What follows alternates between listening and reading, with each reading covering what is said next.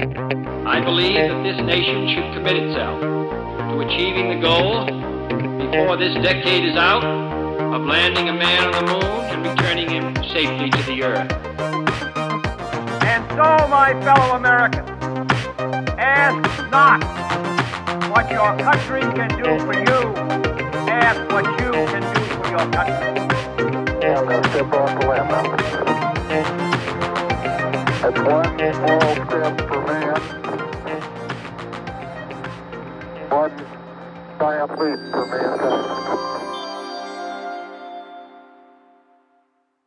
USA ja, precis. Det var ju någon i Michigan nu. Jag såg, såg, såg Ja, och det är ju alltid skottlossning. Ja, ja, Och det är egentligen inget. Men eh, då är det väl egentligen dags att hälsa alla lyssnare välkomna till eh, veckans andra avsnitt eh, av Framtidsministeriet. Vi har ju varit ganska flitiga. Det här är andra avsnittet den här veckan. Mm, ja, Det är precis. ju egentligen, vad hände där egentligen? Ja, det var alltså, men, Efter några men, veckor av uppehåll ja, och exakt. sådär. Och, och nu, har, vi- nu är vi faktiskt fullskaliga. Ja precis, för vår tredje redaktionsmedlem eh, är tillbaka här. Inte ute på basinkomstöl eller i Täby hos Liberalerna. Så vi är ju glada att han är Ja, tillbaka. vad har du att säga Adam? Ja, till ditt försvar. Nej men alltså jag försöker profilera mig som en social och politisk entreprenör så att det gäller att hänga med på olika svängar. Ja, Det är allt från eh, partimöten till eh, basinkomst, eh, bärs till att eh, driva olika projekt, eh, jobba för Arholma och så vidare. ja nej, men det är bra. Vi, eh, vi pratade precis innan vi började spela in här att det kom en debattartikel som har skrivits av en, en filur som heter Svante är en väldigt gubbig figur. Han är ganska Ja. gammal. Just det.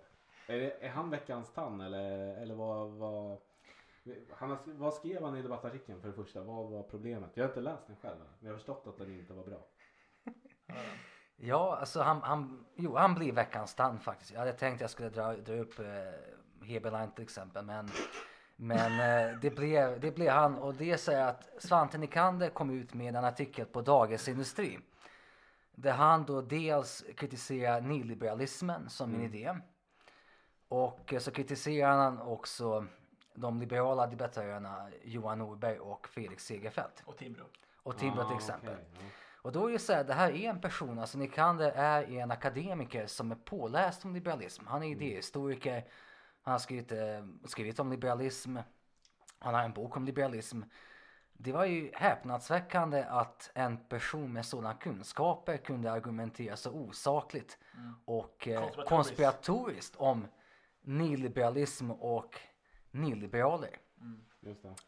Så att eh, problemet i hans argumentation det är att eh, han, han bygger den liksom på väldigt eh, svaga grunder och jag skulle säga irrationella föreställningar om att nyliberaler då ville ha höginvandring till Sverige för att på lång sikt då krossa den svenska välfärdsstaten. Just det. Det är det. Just det. Ja men det, det håller ju inte vi med om. Eh, Nej. så, men då blir han veckans eh, alltså, traditionella auktoritära eh, Nationalist. nationella figur. Ja, egentligen. Egentligen ja, på grund av det resonemanget egentligen. Precis, för att han tänker sig så här då att eh, liberaler egentligen ska dels försvara det man då skulle kunna kalla för då högskatte välfärdsstaten som gör mycket, mycket mer än sina basala uppgifter som att äldre ska få sjukvård eller att eh, eh, barn ska gå i skolan. Just det. Och han tycker liksom att eh, fackföreningar är väldigt viktiga. Och eh, jag tycker också att det är bra att det finns fackföreningar för de människor som vill organisera sig. Men däremot så är jag inte intresserad av att försvara exkluderande fackföreningar som till exempel LO. Nej, LO gillar vi inte. Nej, absolut inte. Nej.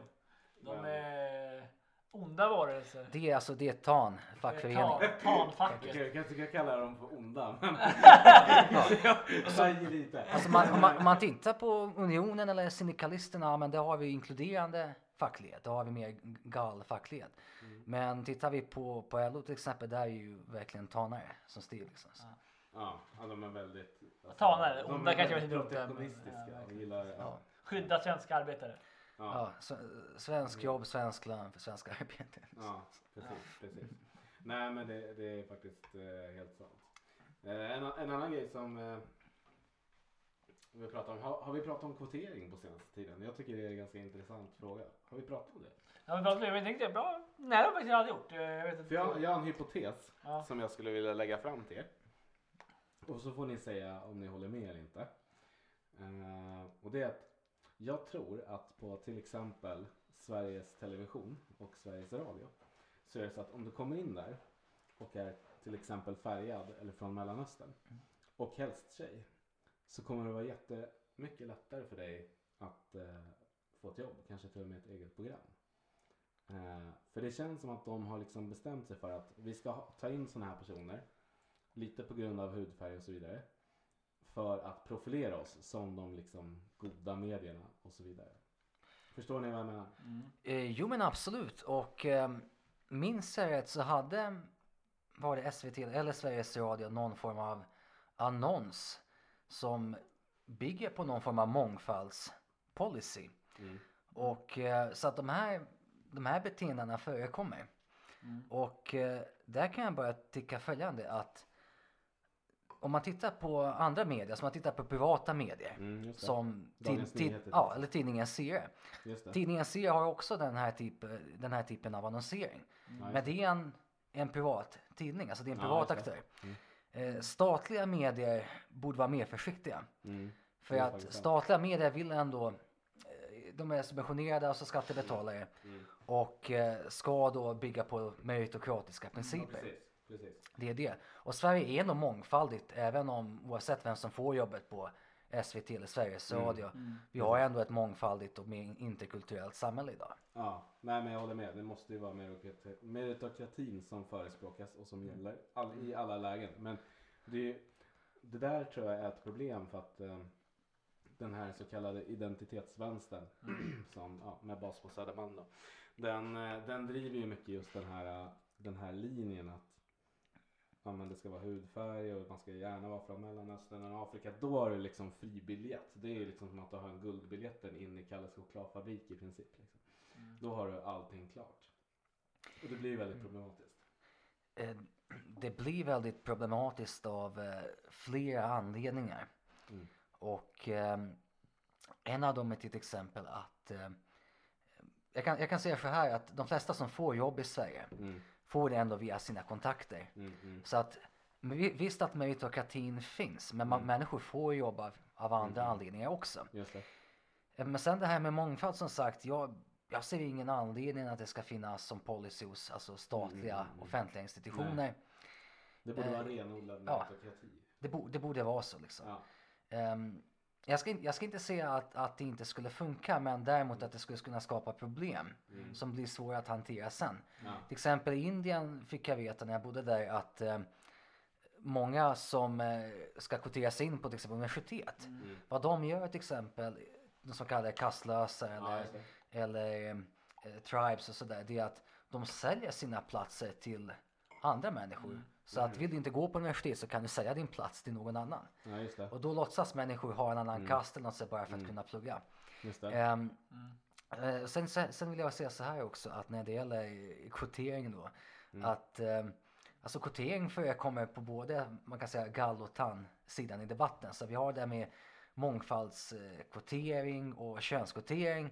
Men sen har vi också förslag om flyktingkvotering som är mer, mer vanligt bland Tann. identitetshögern och Ja. tannaktörer då. Ja, där man ska hjälpa mer svaga och alltså kvinnor och barn mer. Alltså, Ja, just det. Alltså det man ska prioritera bland flyktingar. Ja. För nu, alltså när, Ja, Nej, men just det. när man inte, alltså, när man, när man har ett system där man måste söka och man inte tar emot så många på flyktingläger. Just det. Eh, så de som kommer, de flesta som kommer, då är ju unga män liksom. För det, är- det, är, det. det är lättare för dem att ta sig över halva Europa. Liksom. Ja, exakt. exakt. Eh, alltså, problemet är att så jag har inget problem med att man ska ta mer från, eh, från mer flyktingläger liksom, för att hjälpa kvinnor och barn. Liksom. Men problemet är att de vill bara göra det och sen liksom bara prioritera kvinnor och Ja, eh, barn. Liksom. Och det är samma, det, till exempel i, i Kanada, där har man, Kanada som är är ett bra land oftast, Mm. men i det här fallet så har de verkligen halvt förbjudit, att de tar inte emot unga män, utan de tar bara emot I Ja. Kanada? ja, kvin, Ja. kvinnor Och då, och då tänker jag till exempel, jag är, jag är 28, fyller 29 år, jag är en ung man.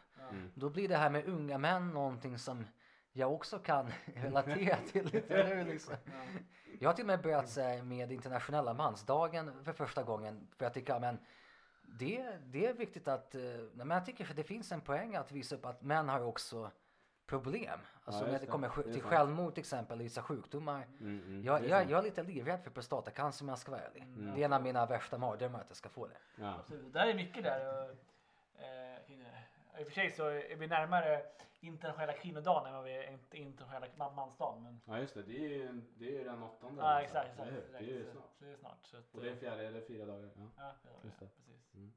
Vad ska man göra på innan, för vi ska ju prata om in, industriella revolutionen idag. Ja. Men eh, i och med att det är ju bara fyra dagar kvar till eh, kvinna, kvinnans dag, kvinnodagen. Mm. Och då måste vi ju tänka, ja, men hur, vad ska man göra på internationella kvinnodagen? Alltså det viktiga tror jag, det, det viktiga tror jag, det är inte det här man, det är många, som, många vanliga svensson som bara ja, de Ja. gratulerar sin, sin fru och sambo Ja. och kommer göra blommor så här, men det är inte det som är poängen. Nej, det, det är det som är poängen. Det är, så här, att det är mer lyfta de pro- jämställdhetsproblem vi har i Ja, samhället just och prata om dem och uppmärksamma dem. Det bör uppmärksammas egentligen alla dagar om året, men Ja. kring dem kan vara lite extra dagar där man liksom lyfter fram de här sakerna. Liksom, och att kommer, även kommer med nya saker. Liksom, så här. Jag tänker om man, borde ju hylla framförallt stark, alltså så här, kvinnor som har gjort någonting. Alltså Ja. kvinnor som är VD för framgångsrika företag Ja. och den här typen. Mm. För annars blir det lite för mycket det här gulligull och Ja. ja. vi, nu, nu ska vi omhulda er och så här. Utan Mm. mer så här, fan fokusera på de kvinnorna som gör bra ifrån sig. Mm, mm, mm. Ja, vad, tänker du då? Vad in- internationell- eller kvinnodagen? Ja, så jag har ju två erfarenheter av internationella kvinnodagen. Det som du beskrev, det är det har upplevt i Bosnien. Mm. Att det är då kvinnor ska vara hemma och sen ska männen då göra jobbet. Liksom. Men det är bara just den dagen liksom. Ehm, och sen har jag erfarenheten från internationella kvinnodagen i Sverige där man mer satsar på demonstrationer och politisk eh, argumentation och så vidare. Men jag tänker mig så här att om, om kanske 20-30 år, jag vet inte, det känns som att det inte kommer behövas längre varken internationella kvinnodagen eller mansdagen utan eh, kanske kommer finnas någonting annat som internationella Homo sapiens-dagen eller människodagen eller något sånt där. Bara, alltså bara hela människan eh, oavsett Mm. kön. Just det. Just det. Ja det är faktiskt sant. Det är, Ja, det är fint. Och framförallt det är om fint vi, att du, om vi skulle komma, om vi skulle komma i kontakt framtidsinriktat. Ja men om vi skulle komma i kontakt med utomjordingar någon gång i tiden.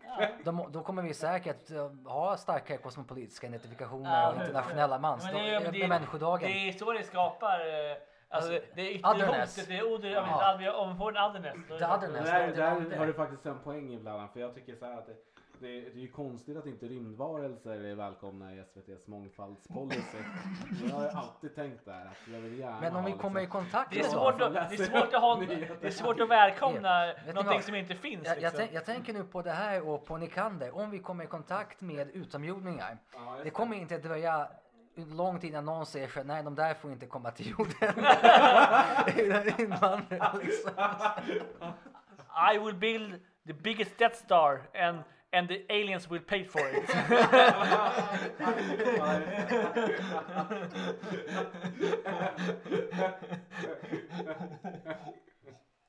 Ja, det skulle ju faktiskt vara rätt intressant. Men det är ju inget parti som egentligen har någon rymdpolitik. Jag Nej, vi- det är valår i år. Och det är så här, in, in, under nästa mandatperiod kommer vi troligtvis sätta människor på Mars eller skicka dem dit. Och det är inget parti som har sagt så här, och de här rättigheterna vill vi ska gälla för dem. Det är ju egentligen helt Ja, så det är ingen som driver sig fri rörlighet mellan jorden och Mars eller Ja. något sånt liksom. Så, Nej. Nej. Och, och jag menar, nya Slussen ska ju vara kvar, klar år 2025 enligt Stockholms stad. Ja. Och Elon Musk vill ju sätta första människan på Mars 2024 liksom. Ja. Men det innebär att den här nya Slussen kommer alltså vara färdig efter att vi har människor på Mars. Ja. Vilket kanske också säger någonting om hur, hur bra offentlig sektor fungerar. Privata företag. Så vår slutsats är att privatisera Stockholms in, innerstad. Ja, precis, precis. Precis.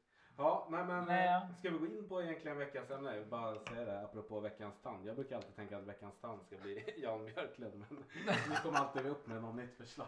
Så så vi, vi, ja det blev inte Men- han den här men- gången också. Men, han Men, men, men, vi kan nämna att eh, det, det hände också en annan grej apropå det här med nyliberalism. Just det. Ja, just det. Att eh, förutom Nikander och ett par till så var det då Jan Björklund som eh, nämnde i intervjun med eh, DN att eh, Centerpartiet och SvD. Eh, förlåt, SvD. Ja. Eh, nämnde i intervju med SvD att Centerpartiet är alltså nyliberaler medan Liberalerna är socialliberaler. Det är liksom... det, så det, han sa var att eh, Centerpartiet är dumma och eh, Liberalerna är snälla. Det var typ det. Vi, vet, vi är vi de riktiga. ja, riktiga är Liberalerna. Och det är helt sjukt. Ja, det är För helt vi vill ha mobilfritt och rökfritt. Ja, Allt är just fritt det. Från allting. Och det är, ja precis, ja, vi är de goda, vi vill ta ifrån barnen deras mobiltelefoner. Nej, mobilfritt. Ja, mobil. Ja. Och, och vet ni vad som är problematiskt med det förslaget? Att eh, jag gick ju in på någonting som heter lärarbarometern. Jaha. För det är det som eh, man hänvisar till i debatten om det här med alltså angående mobilförbud. Ja. Men då står så här att lärarna tycker att i stort, alltså det var 24 000 som svarade. De Ja. flesta tyckte att det är ett bra förslag att eh, förbjuda att eleverna använder egna mobiltelefoner i klassrummet. Just det. Och jag betonar det här med egna därför att även om man förbjuder telefoner i klassrummet så kan till exempel en rektor ställa krav på eller att de ska ha sina smartphones i klassrummet för undervisning. Och då kan det vara så att skolorna måste alltså tvingas att köpa in smartphones till eleverna. Just det. Så det här blir intressant att om staten väljer att, eh, om vi, om vi använder staten för förbud Just det. och då innebär det att privata aktörer men också offentliga skolor, alltså kommunala skolor som måste köpa in Just det. nya smartphones till eleverna. Liksom. Helt värdelöst. Men, Ja, men... Eh, För då faller förslaget på den- de här ekologiska tankarna med att vi ska konsumera mindre, eller hur? För varför ska vi köpa dubbla smartphones liksom? alltså, nu har vi ju... Eh, nu har vi nu har jag och Emanuel haft eh, två eh, poddar här på raken och eh, då har Ja. vi skjutit upp den fjärde. Eh, Ja precis, nu måste vi ta fjärde inställda Exakt, exakt. revolutionen. Så eftersom du kan väl inleda lite med det fjärde. Ja, vad hade du för tankar om den? Och så, här. så fyller vi andra på. Eller, ja, Ja. Du får introducera ämnet. För nu har vi pratat om det här. Mm. Vi har sagt fyra gånger att vi ska prata om det här ämnet. Så Ja, exakt. Nu blir det Jo, men, jo men bättre sent än aldrig, eller hur? Ja, Liksom? exakt. Ja. Nej precis, alltså, som, som ni själva vet och som säkert må, alltså, som många andra känner till så var det så här att eh, för ett par veckor sedan så var det så kallade Davos-mötet som ägde rum. Just det. Det, det är det som många, en del tycker inte om det, en del tycker att det är liksom den globalistiska eliten som bestämmer. och att det är liksom massa, vad ska vi säga, eh, så kallade besserwisser som ska tala. Men jag tycker att Davos är ju, det är än så länge en av de mest kosmopolitiska sakerna vi har i världen när det, när det handlar om att få människor att närma sig varandra. Det. Och eh, en av de aspekterna som har diskuterats som mest både på förra Davos men också nu den här gången, alltså i Schweiz. Mm.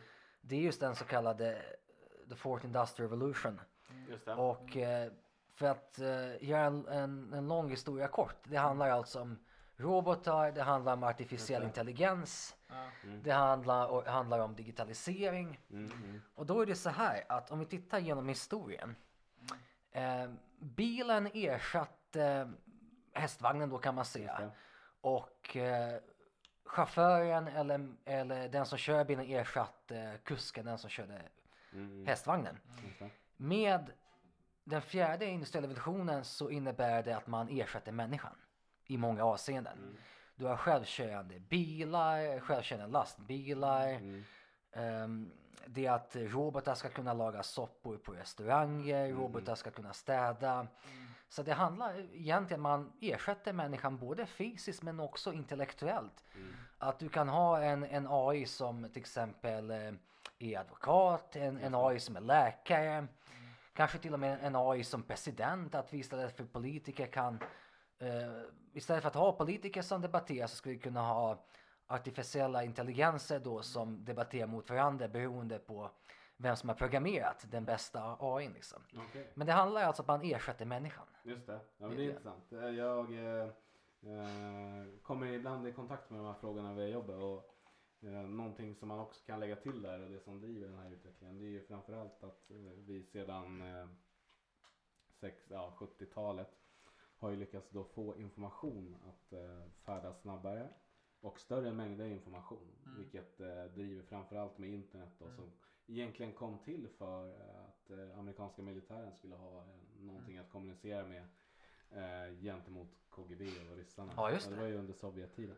Och sen så har, blev öppnades det ju upp. Men det är ju drivit det är det som driver hela utvecklingen. Att vi skickar större mängder information och den skickas snabbare. Det är ju bara att tänka tillbaka 20 år när det tog eh, 20 minuter att ladda ner en musikfil. Den här- den här- liksom lyssna igenom massa Den, här- den här podcasten hade varit omöjlig för 20 år sedan. Ja, ja, utan problem. Oh, ja. Definitivt. Där, där kan jag bara se att, eh, några saker när vi Mm. pratar om den fjärde in- industriella revolutionen. Mm. Det är ju så här, precis som du pratade med information. Mm. Alltså globalisering, om vi tänker oss globalisering som kickade igång på 80-talet, 90-talet. Ja. Den definierades ofta som ökade ekonomiska och teknologiska flöden. Just det. Ja, men det är det. Så att, och det är det som har hänt. Men eh, globalisering har visat, visat sig handla om mycket, mycket mer, mycket mer än ekonomi och teknologi. Just det. Det har också visat sig handla om identitet. Och det är därför vi har de här ska säga, identitetspolitiska striderna idag i mer postnationella, eh, postindustriella, postdemokratiska samhällen. Just det. Det är det. Och då finns en, en forskare, en akademiker, intellektuell som jag tycker om jättemycket som heter eh, Yuval Noah Harari. Som är, han är från Israel. Mhm. Och Harari är då väldigt, eh, man har varit aktuell i debatten de senaste två åren. Bland annat om terrorism. Men han håller på med det här med eh, artificiell intelligens och så vidare. Mm. Han är, han är för basinkomst bland annat kan jag nämna också. Eh, men han menar ju så här att, eh, att det här med liksom artificiell intelligen- intelligens till exempel att det innebär att strukturerna ändras. Att eh, hur människor organiserar sig ändras. Så han menar ju så här att eh, genom historien har människor haft eh, sin på status och makt beroende på om man äger land, alltså om det är den äger mark eller om det har visst antal pengar på kontot. Ja. Och med det som kan komma med artificiell intelligens, ge- genteknik och så vidare så innebär det att de som vinner Mm. eh, de, de vinner på, på grund av att de kommer ha vissa program. De, kunna, de, de kommer kunna få fram vissa typer av människokropp, alltså människokroppar liksom. De kommer att kunna designa människan, Mm, mm. alltså modifiera människan. Det. Och det är de här som då kommer vara framtidens vinnare. Så han menar ju att eh, risken, risken är att vi får en global klass av människor som inte behövs längre, som är helt, eh, alltså, vad ska jag säga, obrukbara liksom. Till exempel, och, och då tänker jag på till exempel de här Alltså som lågutbildade då? Eller? lågutbildade industriarbetare, ja. många fler. Just det. Och det är det som har hänt också om man tittar i västvärlden. Eh, Tittar, på, tittar man på väljare för de här nationalistiska högerpopulistiska partierna är oftast Trump-väljarna. Till exempel. Det är i många fall människor som har förlorat eh, vad ska säga, sina jobb Mm. eh, på grund av den teknologiska utvecklingen. Och har man förlorat sitt industriella jobb Ja. då har man också förlorat eh, eller man upplever att man har förlorat sin kultur. Mm. Man, man har inte den här gruvan längre att gå till, man har inte den Nej, fabriken precis. längre. Nej, nej. Man träffar inte sina polare på Nej. lokala puben längre för att man har kanske inte pengar, man kanske har ett annat jobb nu så att Mm. det är det.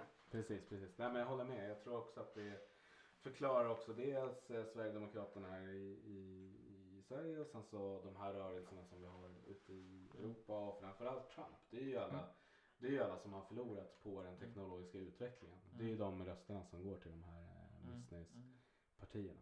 Och då är frågan egentligen vad eh, eh, vad man, kan, går det här ens att bryta eller är det här o, o, o, eh, alltså, eller är det här liksom en, en sak som man inte kommer kunna motverka? Alltså den här kraft, för det är ju ändå en kraft som kommer från det här missnöjet.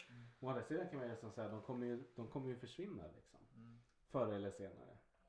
Alltså så här, det här missnöjet, så. så. det är ju några generationer som liksom man blir eh, irrelevanta för utvecklingen. Men de, och det här är ju nästan hemskt för det här, nu är man ju nästan inne på alltså Nietzsches övermänniskoteori men, men, men det är ju nästan så här lite så att ja, men de kommer ju inte ha något syfte. Och då måste man ju nästan vara typ socialist för att tänka att men vi ska hitta på ett syfte åt den här gruppen. Eller? Så man ska bygga upp. Ja, eller, eller, Börja skapa arbeten med social innovation typ? Nej men då, Att, eh, liksom- säga att här är väl jag är inte helt övertygad om basinkomst. Men här är ju basinkomsten li- lite av lösningen liksom. Att, Ja. Även fast vissa av de här grupperna som stöder Trump, de kommer inte gilla basinkomst heller. För de Nej. tycker att man ska jobba hårt Ja, och man ska, ja. att det är en del av kulturen liksom. Så de, Ja.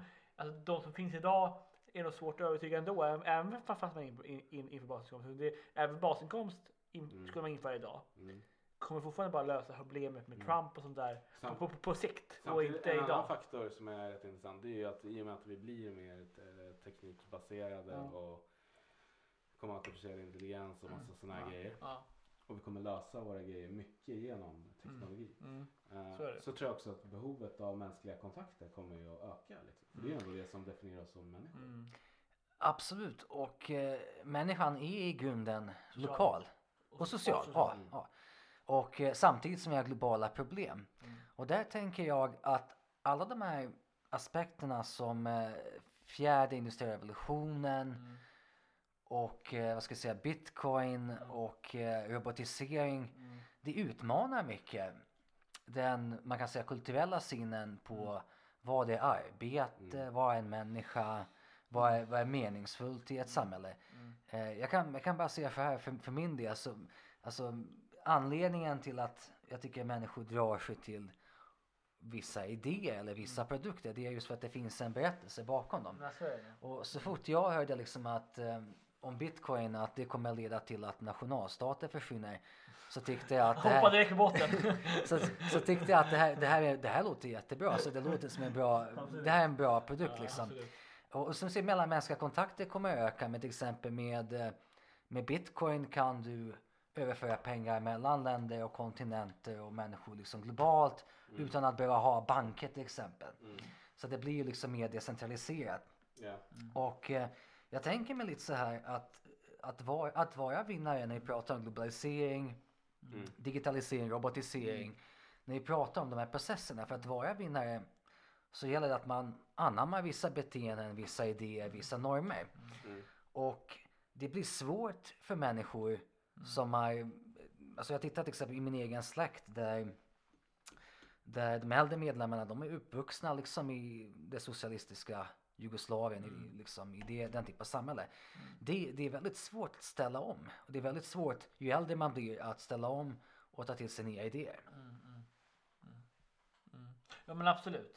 Och det är så att eh, problemet, så det problemet är ju det att vi kommer kanske tyvärr ha en större grupp en större grupp väljare som är eh, kommer rösta på Trumpaktiga figurer liksom.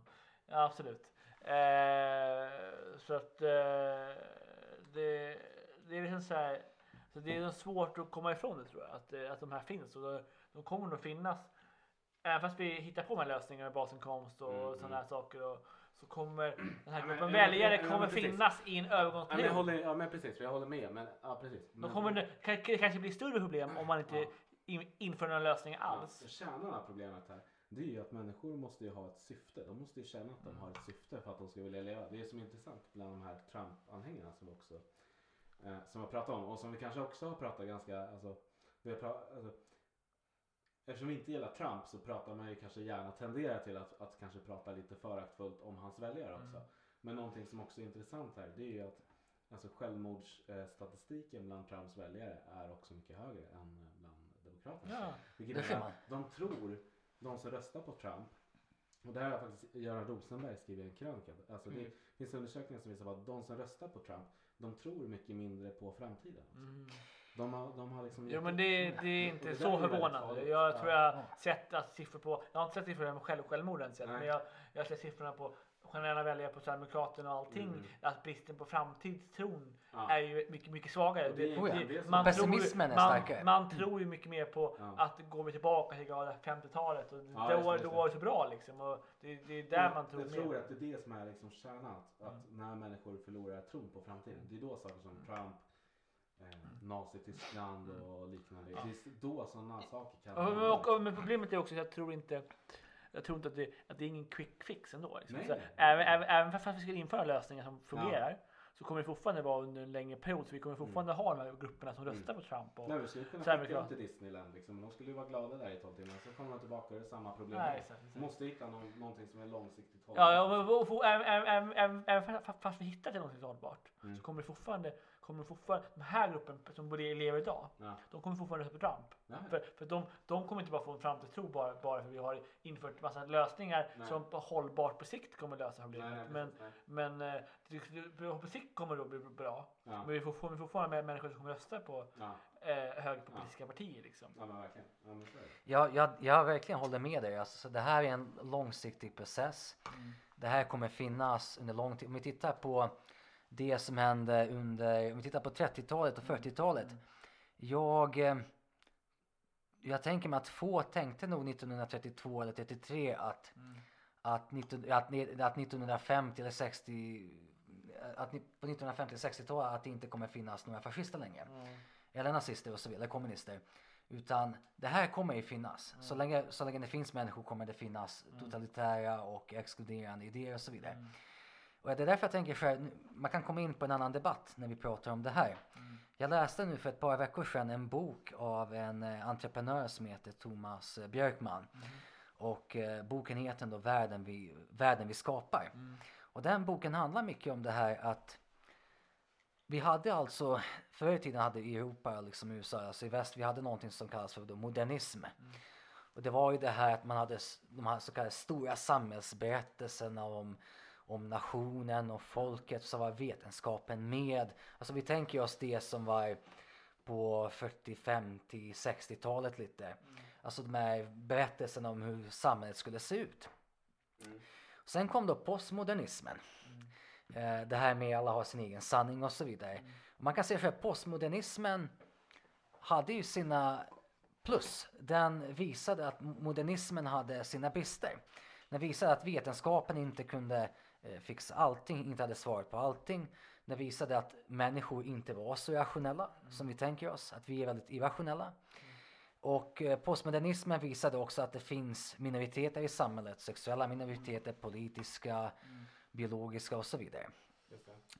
Men problemet var att eh, postmodernismen då, ehm, den bara kritiserade modernismen. Den erbjöd inte en alternativ narrativ.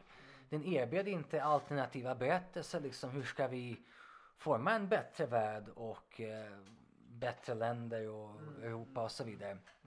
Och det är därför jag tänker mig att, att för att komma bort från de, eh, ska vi säga, den situationen vi har nu i Europa med rekordhögt stöd för nationalistiska och populi- populistiska partier.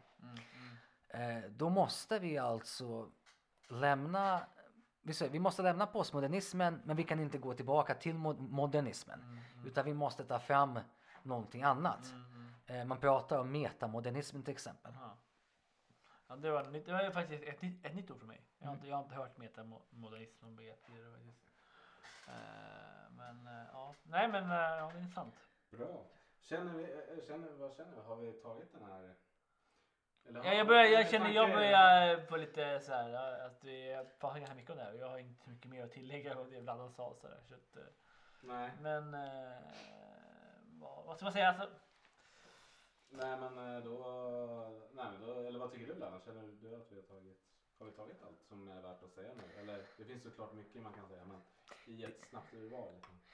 Det finns alltid mycket mer och jag kan bara säga så här då att eh, som eh, Harari sa det i sitt eh, tal att i Davos att många politiker och regeringar misslyckas med eller är ointresserade av att skapa positiva optimistiska visioner om framtiden. Och istället så lovar man liksom nostalgiska fantasier. Och det är det som jag ser i Sverige också. Vi har alltså, om man tittar på, eh, okej utöver Sverigedemokraterna som är reaktionära och aggressiva och söker ett bättre förflutet. Men också inom Socialdemokraterna förekommer liknande beteenden. Man har det med Framtidspartiet. Men sen har man det här med svenska modellen ska utvecklas, inte avvecklas. Det där går inte ihop.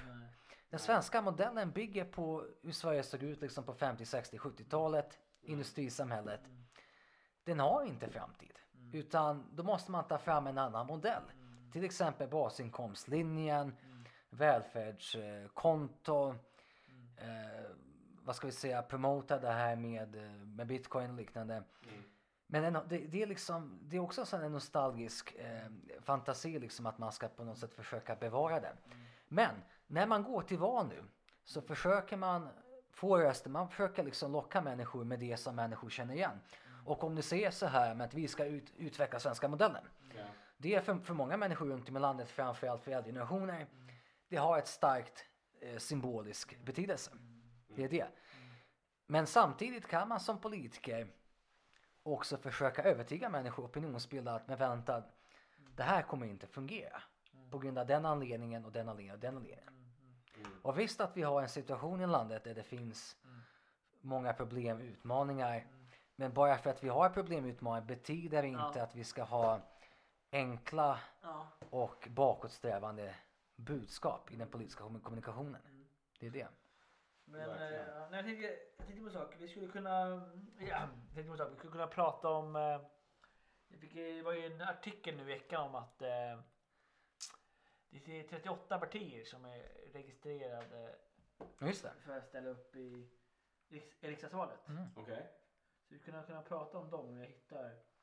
Om jag hittar. Eh, Eh, jo, eh, ni frågade lite vad jag, vad jag gjorde någonting senaste, jag ska säga senaste veckorna och eh, eh, till, till exempel nu, nu ska vi se, det här var då i, eh, eh, när var det här? Då var det i, nu i veckan var jag faktiskt på besök hos ett parti som heter Initiativet. just det. Just det. Vad är det för parti?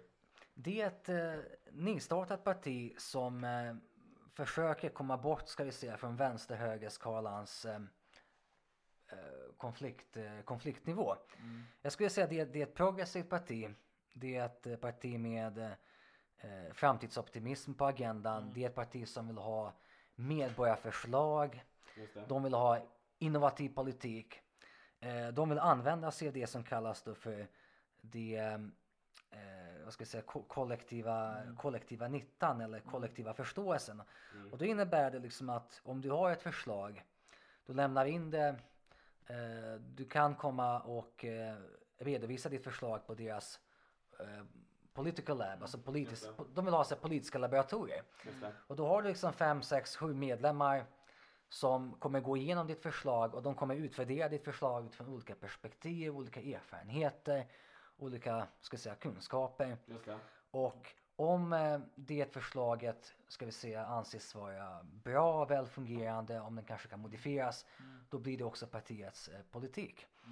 Eh, och det här är ett parti faktiskt som, som ett systerparti som är till, eh, till ett annat parti som heter Alternativet som finns i Danmark. Okej. Och i Danmark är alternativet nu ett parti som finns både i, i det danska folketinget, alltså i danska parlamentet och på lokal nivå.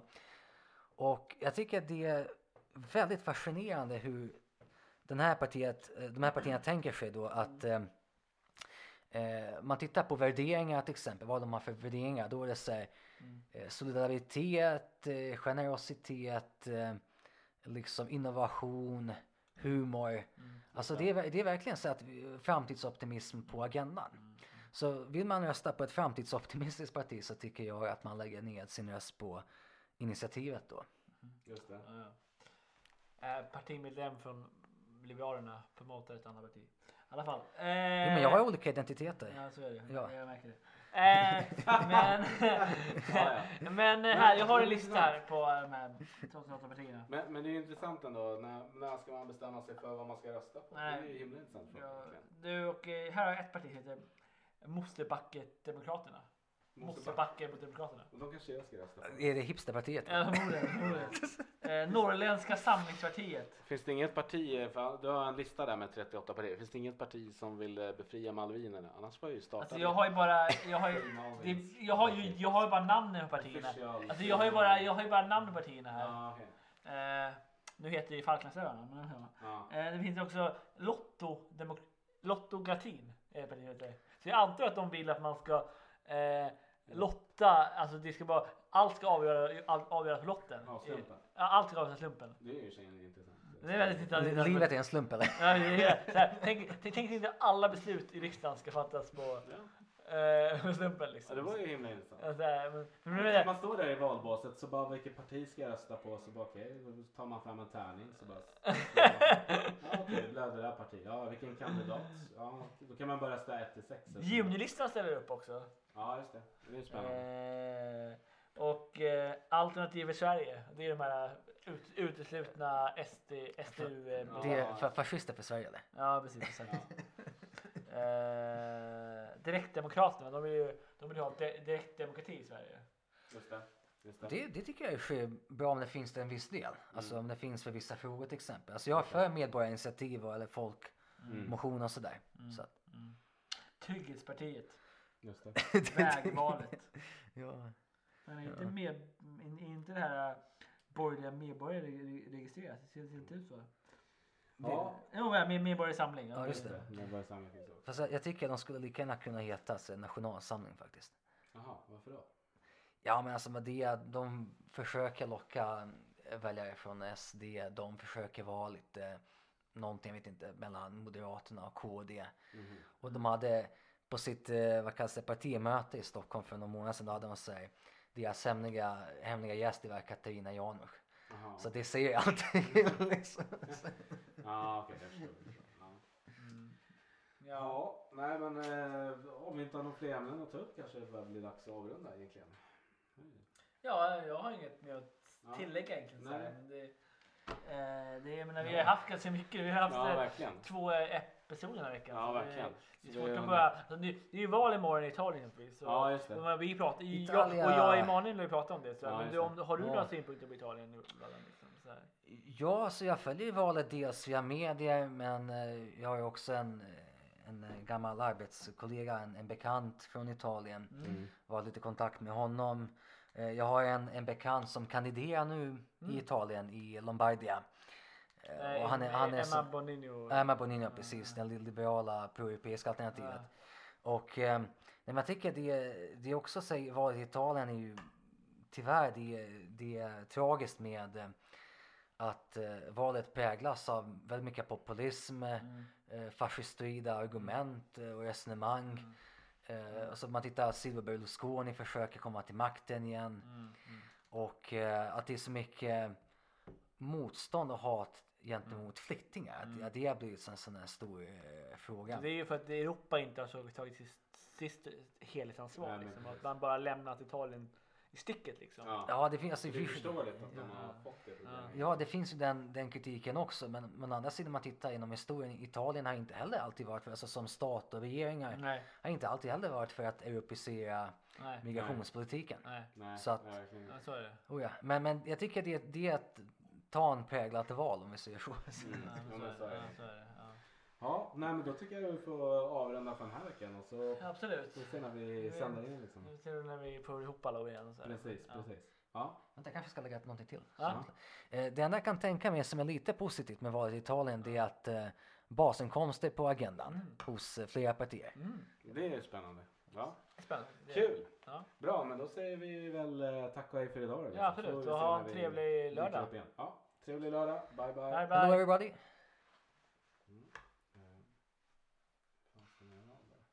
Jäklar vi har bashat partier och.